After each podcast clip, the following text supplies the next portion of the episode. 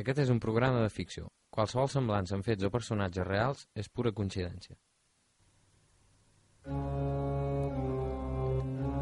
Construccions L'Altre Barri patrocina Històries d'una nit d'estiu. Et moriràs de felicitat al veure els nostres preus.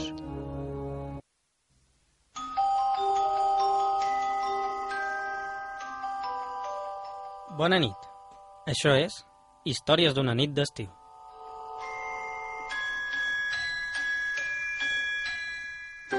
Benvinguts al programa de misteri de Ràdio Ona. Ens tornem a trobar un cop més amb una nit tenebrosa per escoltar plegats tot allò misteriós que hi ha al més enllà i al més aquí. Cada dia, de dilluns a divendres, ens podreu escoltar a la mateixa hora, dos quarts d'onze de la nit. Som en Nil Bernat i l'Anna Casacoberta. Amb en Carles Santigós al control tècnic.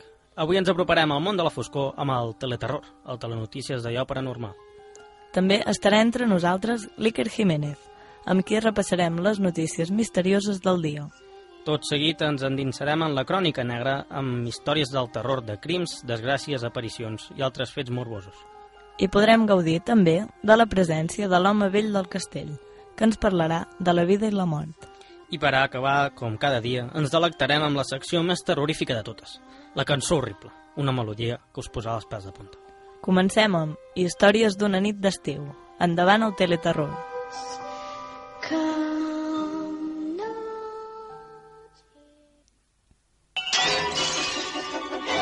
Teleterror.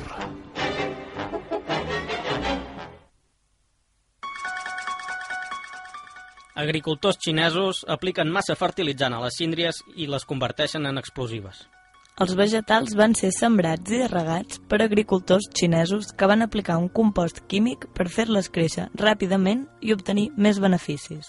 El resultat va ser un desastre, ja que el fertilitzant va fer un seguit de reaccions químiques que les van fer explotar quan estaven a punt de ser recollides. A més, tot el camp on es van plantar ha sigut destruït per un excés de forclorfenuron.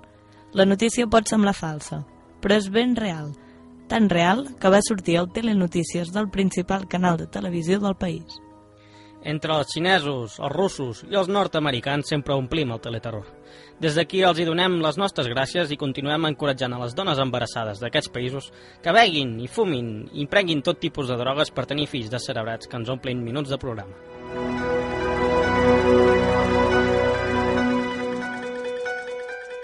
Detenen en Batman mentre escalava un edifici a Michigan.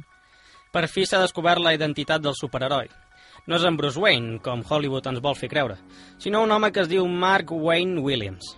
El van detenir mentre pujava un gratacels armat amb una porra, un spray d'autodefensa i guants reforçats amb plom. També portava unes malles de Decathlon i un logo de Batman fet amb cartró enganxat al pit. Pel que sembla, en Batman no és multimilionari, de, no és el multimilionari de la ciutat de Gotham, sinó un simple fuster de Michigan. L'Spiderman encara no s'ha pronunciat pel fet que en Batman estigués realitzant una intrusió professional a l'escalar edificis, però se sap que ha contactat amb els seus advocats per valorar la proposta de denunciar-lo per drets d'autor.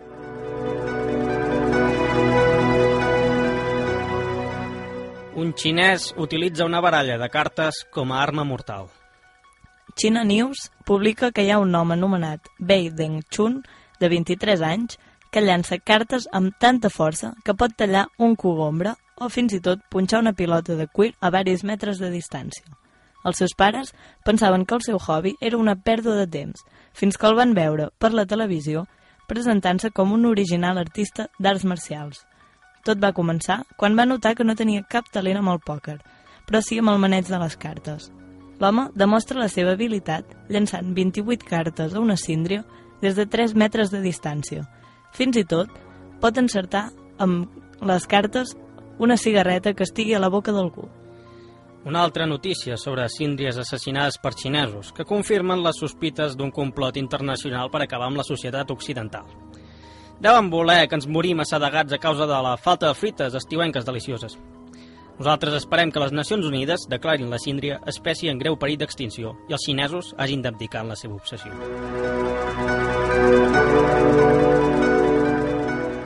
Una dona és denunciada per frau al descobrir que mantenia el seu nòvio mumificat.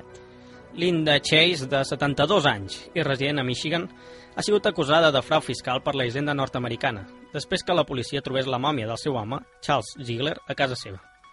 La dona continuava rebent la pensió d'ell malgrat que s'havia mort fa 18 mesos. Ella alega que va mantenir el cos del nòvio a casa perquè se sentia sola. El frau s'eleva a uns 28.000 dòlars i la dona es pot enfrontar a 14 anys de presó, però com que no té antecedents penals, pot ser que tot quedi en un no-res. Igualment, el fiscal té intenció de fer passar la Linda per un examen psicològic per avaluar el seu estat mental. La família de la mòmia vol que ingressi a presó per no haver-los comunicat la mort en aquests 18 mesos. En lloc de tenir un gat o un gos que et faci companyia, tens la mòmia del teu estimat. Els dos deurien mantenir unes converses interessantíssimes. Igualment, la mòmia deu ser el marit somiat per qualsevol dona, sempre callat i sempre amb les extremitats ben dures. Uns quants anuncis i tornem amb l'Iker Jiménez, expert en parlar amb filtres de veu ben diferents.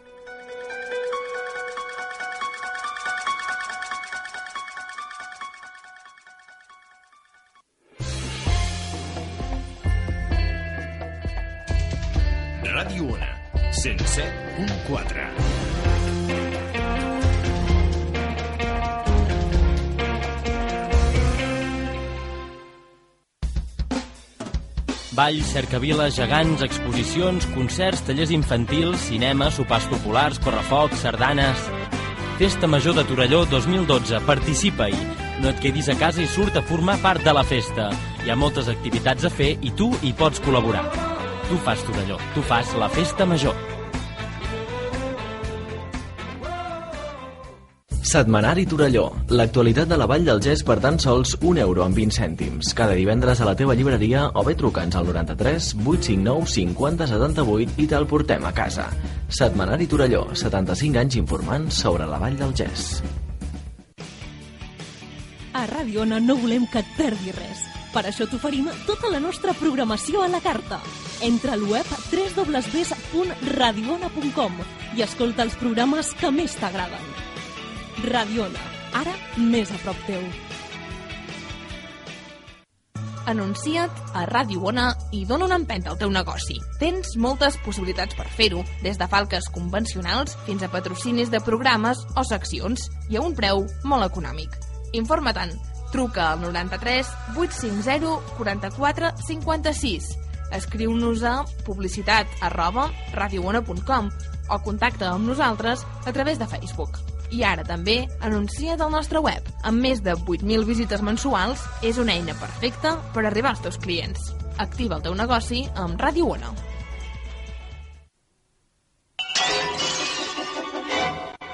Mil·lenni Iker. I com cada dimarts, donem la benvinguda al nostre convidat d'honor, Iker Jiménez, que ve expressament des de Madrid per ajudar-nos a reflexionar sobre diversos misteris de l'actualitat. Bona nit, Iker. Hola, soy Iker Jiménez. Bienvenidos. Igualment, Iker, benvingut a la nostra nau del misteri.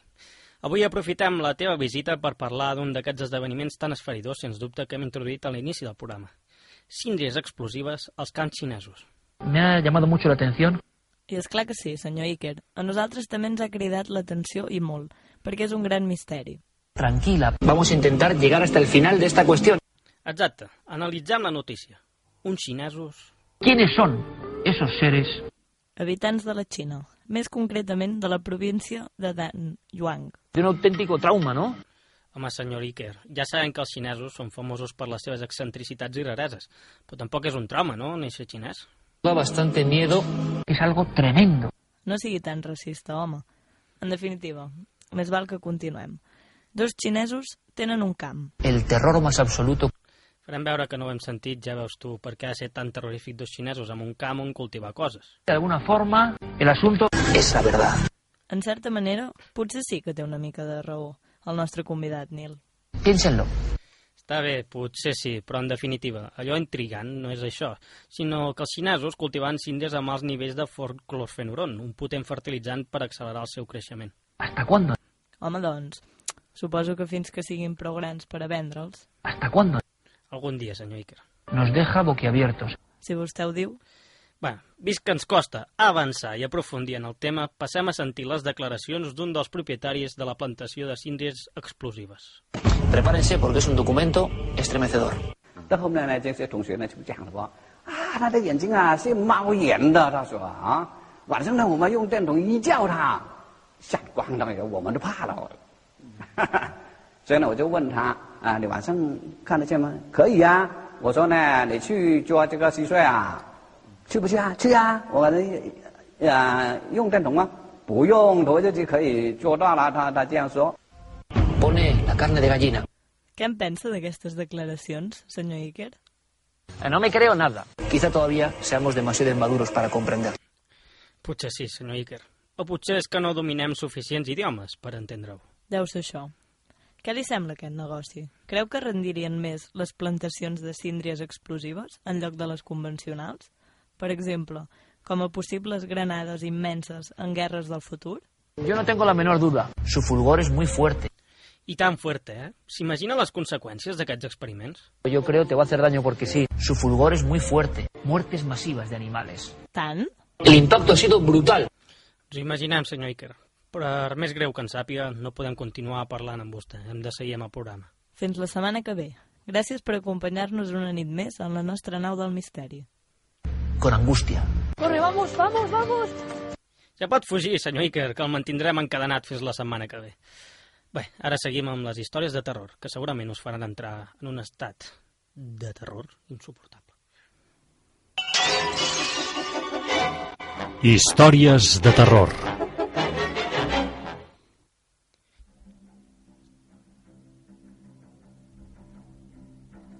I avui iniciarem aquesta secció parlant d'una llegenda urbana molt esferidora sobre una màquina o joc recreatiu anomenat Polybius.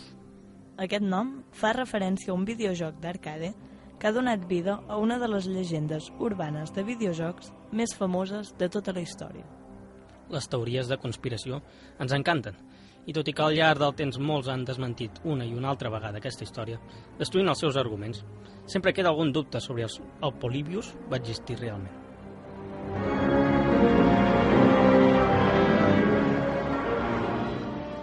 La llegenda, que té un origen desconegut, diu que va ser comercialitzada a Oregon el 1981 per una empresa anomenada Cines Losken, que significa pèrdua dels sentits en català. Els joves que hi van jugar mentre es trobaven als recreatius van començar a experimentar uns efectes secundaris una mica estranys. Malsons a les nits, pànic inexplicable, episodis d'odi injustificat, pèrdues de memòria i estrès. Segons es va comentar posteriorment, aquest tipus de joc podia provocar bogeria i fins i tot incitar al suïcidi. Era, sens dubte, una màquina creada expressament per acabar amb la vida de les persones. Molts dels testimonis asseguraven haver vist homes vestits de negre que observaven constantment les màquines i que prenien notes sobre els comportaments dels seus usuaris i dels participants amb majors puntuacions. Evidentment, són coses que no es poden afirmar, però formen part d'aquesta llegenda. La part més extrema de la llegenda la formen aquells que afirmaven que molts jugadors percebien rostres fantasmals al seu voltant mentre jugaven. Aquests rostres es podien veure de forma molt fugaç i de reull. També asseguren alguns que de tant en tant sortien a la pantalla missatges subliminals i fins i tot hi ha qui diu que també en algun moment apareixia la frase Kill yourself, és a dir, mata't a tu mateix. Molts programes, sèries i jocs s'han fet ressò d'aquesta llegenda que perdura al llarg de la història, com és el cas dels Simpson o els Sims, eh, tot i que constantment s'ha repetit que aquest joc mai va arribar a existir. Però qui sap? En podem estar segurs?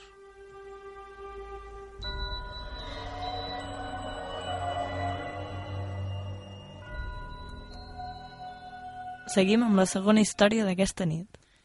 Doncs sí, l'odi més irracional sol sortir dels jocs més amagats del cor, de llocs que no sabíem que teníem, que negreixen fins i tot la mateixa ànima. I el mateix passa amb diferents jocs, espais en els que un fet concret va deixar un dia esperits atrapats, plens d'odi, que van acabar maleint la seva terra de maldat absoluta. Així va sorgir la història de l'illa dels horrors, Poveglia, una petita illa que es troba, curiosament, en un dels entorns més bonics que podem imaginar, a Venècia, prop de Lido. Allà, a vegades, les onades són capaces d'arrossegar restes humanes carbonitzades, que provenen de la història més macabra que ens puguem imaginar. Aquesta història concreta s'inicia durant el segle XIV, quan Europa estava infestada per una plaga de pesta bubònica, que afectava en menor o major mesura a diferents regions. En el cas de Venècia, la situació geogràfica va provocar que els seus habitants es veiessin atrapats com si fossin en una ratonera. Les morts van arribar a un extrem tan llastimós que els cadàvers s'apilotaven als carrers i la seva pudor penetrava cada pedra, cada gota d'aigua dels seus canals i cada partícula del mateix aire. Finalment, les autoritats van decidir llançar els cossos infectats en un mateix lloc, i aquest lloc va ser Poveglia. S'hi van començar a muntegar els cadàvers a les fosses on eren cremats. Mentrestant, a la pròpia Venècia, la pesta arrasava la ciutat, que es veia abocada a la perdició. Tots els seus habitants eren presos del pànic.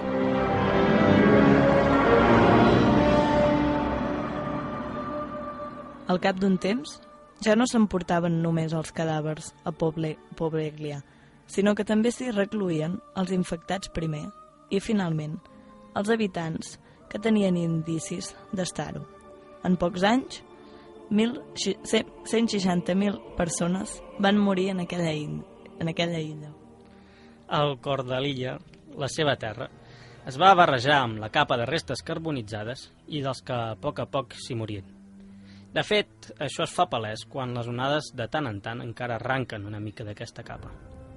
Van passar centenars d'anys i l'illa va continuar sent maleïda i abandonada fins que l'any 1922 s'hi va construir un psiquiàtric.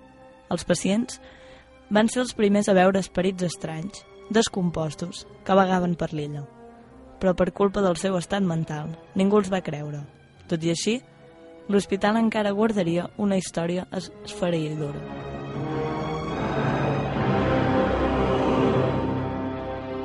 Qui sap si el mal de la illa influiria, però la veritat és que el doctor que dirigia el centre va començar a experimentar amb els pacients fent servir mètodes de curació nous. Van ser anys de lobotomies i trepanacions fins que el propi director va començar a ser acusat pels fantasmes. Horroritzat, va decidir posar fi a la seva vida i es va llançar des de la torre de l'hospital. Tot i així, l'home en aquell instant va sobreviure, com expliquen alguns testimonis, sinó que va ser després, quan un gran núvol de fum va aparèixer de cop i es va introduir al seu cos fins que el va asfixiar. Aquell va ser el final de l'hospital, que avui encara està tancat. Només una sola família va ser capaç d'intentar comprar l'illa, però no van ni tan sols passar-hi una sola nit. Això es deu al fet que la seva filla se li va esgarrar la cara en circumstàncies que mai van voler explicar de l'horrorosa experiència que deuria ser. Des d'aquell fet, només els més atrevits han gosat aparèixer allà, i tot i així, els que n'han tornat han jurat no tornar-hi mai més pels crits i laments que deien que hi havien sentit. Fins aquí les nostres històries de terror d'avui. Posem publicitat i seguim amb l'home vell del castell.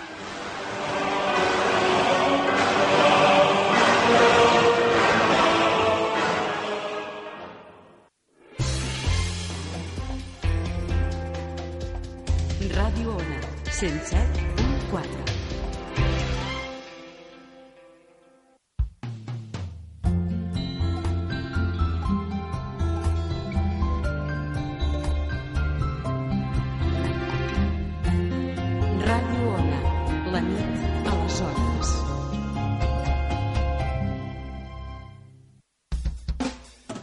Balls, cercaviles, gegants, exposicions, concerts, tallers infantils, cinema, sopars populars, correfocs, sardanes... Festa Major de Torelló 2012. Comparteix-la. Gaudeix amb la teva família i els teus amics de tots els actes i activitats. N'hi ha per tots els gustos i per totes les edats. Tu fas Torelló. Tu fas la Festa Major. He anat de rebaixes i m'he estalviat 20 euros en aquestes sabates. Aviam on trobo rebaixes així. I has hagut de pagar benzina i pàrquing? Sí, és clar. Doncs així, on és l'estalvi? Si no t'estalvies diners, no són rebaixes. Les millors rebaixes les tens al costat de casa, sense haver-te de desplaçar i amb aparcaments gratuïts. Compra a Torelló. Rebaixes de veritat, estalvi de debò. Escolta Radiona també per internet. Entra al web www.radiona.com i segueix la nostra programació en directe. Radiona, ara més a prop teu.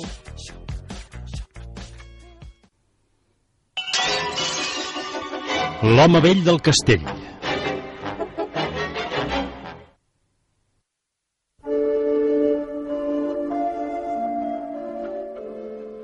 I tornem a ser aquí, una altra nit, amb el nostre convidat estrella, l'home vell del castell. Ahir, l'home vell ens va començar a explicar com havia convençut a Jaume I perquè conquerís el País Valencià. Bona nit, home vell. Bona nit, mossa! Benvolguts siem tots! Ahir ens va dir que va acompanyar el rei Jaume en la seva conquesta. Com va ser l'experiència de fer la guerra com a esperit? Doncs va ser força avorridot. Clar, com a esperit, no podia batallar i simplement feia com a conseller del rei. Però tampoc està tan malament, eh? Allà on anava el rei, Jaume, l'acompanyava una part de la seva cort. I quines cortesanes, eh, que tenia l'home molt esperit. Unes cuixes i uns escots de vertigen, que encara avui me fan venir salivera. I en total, quant temps va estar amb el rei? Un any? Ha! Un any, diu. A la meva època, les guerres no es guanyaven en un no res, noia. La corona d'Aragó va trigar 16 anys a conquerir València. Los moros eren molt moros, eh, los cabrons. Resistien i resistien. Clar, home, venen uns estrangers a conquerir casa teva, el més normal és defensar-se de l'invasor. Digues lo que vulgues, que matar moros no era pecat. De fet, lo papa va aprovar la conquesta. Bé, total, que després de 16 anys ja tothom estava molt cansat, però vam exterminar unes quantes ciutats i van pujar los ànims. Tenia una enveja, tu. Los soldats podien violar dones, i jo no. M'havia de quedar a mirar les cortesanes. És que no hi ha dret, eh, això. Això de ser esperit és una puta merda. Oients, perdoneu la bestialitat de l'home vell, però és que té una ment típica de l'any 900, o sigui que no està gaire educat en flexibilitat cultural i acceptació de conductes estrangeres. Mira què et dic.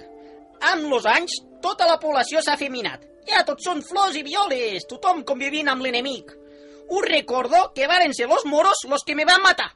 Home vell, es va morir vostè solet perquè va tancar-se massa bé al seu castell. Mira, tu ets una dona, eh? No entens res de la guerra. Vaig lluitar a la guerra de l'Afganistan en un cos especial d'amazones de l'exèrcit, però després vaig reconduir la meva carrera cap a la locució radiofònica, així que alguna cosa en guerra sí que sé. Us deixen participar les femelles a les guerres? Mare de Déu! On anirem a parar? Fins i tot els francesos que sempre perden nos envairan. Bé, senyor home vell, ens hem desviat una mica del tema. Després d'aquests 16 anys de conquesta, com va anar la relació amb el rei Jaume I? Bueno, com us he dit, era molt bon rei, lo Jaume, i me va acompanyar a lo meu castell per donar-me les gràcies pels meus consells. Li vaig demanar que me deixés una de les seves cortesanes mamelludes per alegrar-me de l'eternitat, però me va dir que no, que eren totes per ell. Lo molt marrà, eh? Això sí que era un home com Déu mana. Bé, pels registres sabem que el rei Jaume va tenir unes vuit amants i tres dones, i al final de la vida va tenir 14 fills, entre legítims i bastards. El rei medieval per excel·lència, clar que sí, repartient la llavor pel món. Segur que més de la meitat de la població de Catalunya és descendent seu. No m'estranyaria que se reencarnés i mos alliberés de la colonització castellana. No sabíem que tingués una faceta catalanista, vostè. Bueno, quan jo era viu, lo Guifré, el Guifré el Pelós, ja havia conquerit el ducat de Barcelona. Clar que lluitàvem per los francesos, però jo se deia Catalunya per algo. Si no, no parlaria català, sinó francès, morenassa. Un català de mil anys enrere, però que s'entén força bé. Home vell, gràcies per explicar-nos les seves aventures amb el rei Jaume I. De res, noia, a la vostra disposició. Tinc milers d'històries al serró, tantes com dies han passat en aquests 1034 anys.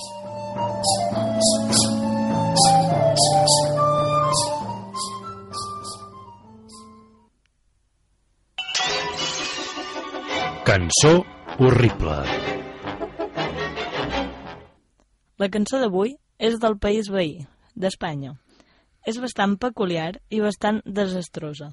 Segur que tothom l'ha escoltat. Som-hi amb els micròfons.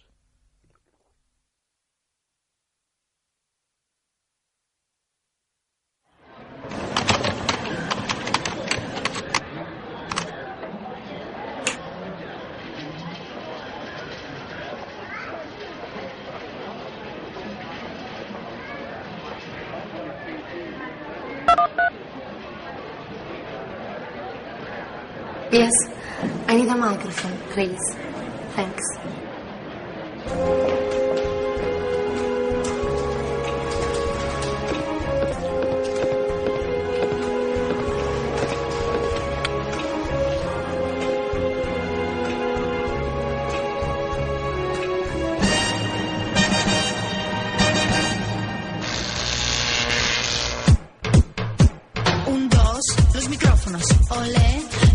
Micrófonos. Proba, proba, los micrófonos. Sin amor, los micrófonos. Cuatro, cinco, los micrófonos. El sexo, no micrófonos. Chicas lindas, los micrófonos. Mercados, drogados, calados, los micrófonos. Ladies jockey, disco dance, house music, after hour, los micrófonos. Mi vida, los micrófonos. Las tetas, no micrófonos. Los culos, dos micrófonos. Mi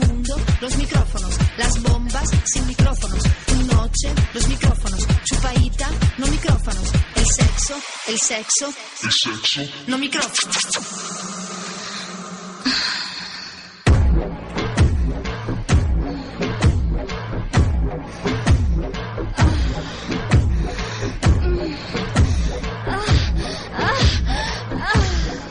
Y ahora, los tambores.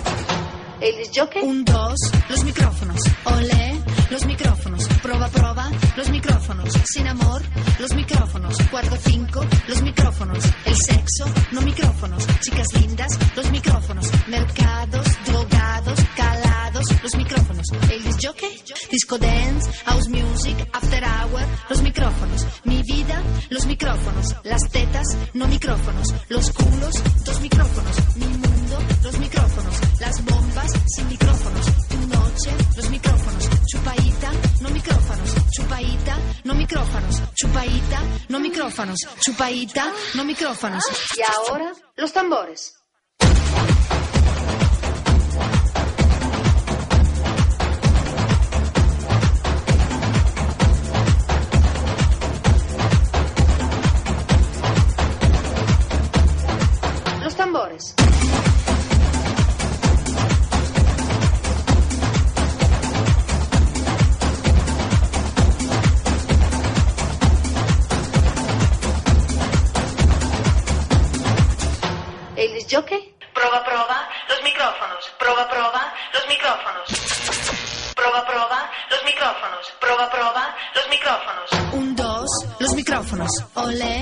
Micrófonos. Proba, proba, los micrófonos. Sin amor, los micrófonos.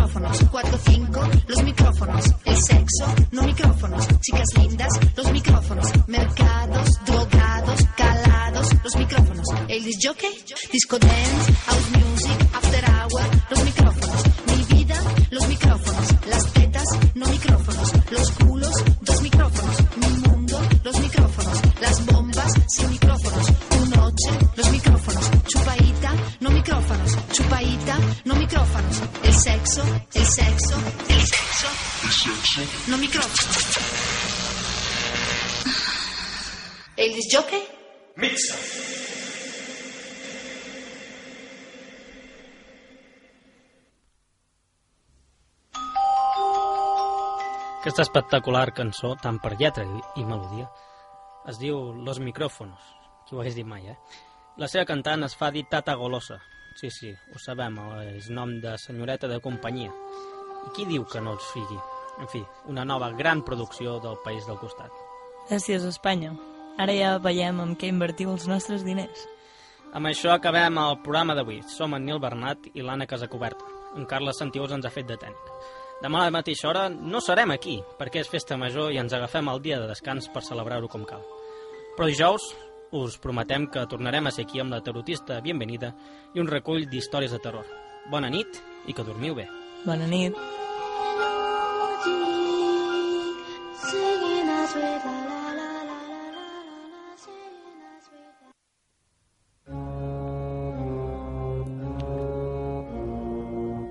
Construccions L'Altre Barri ha patrocinat Històries d'una nit d'estiu.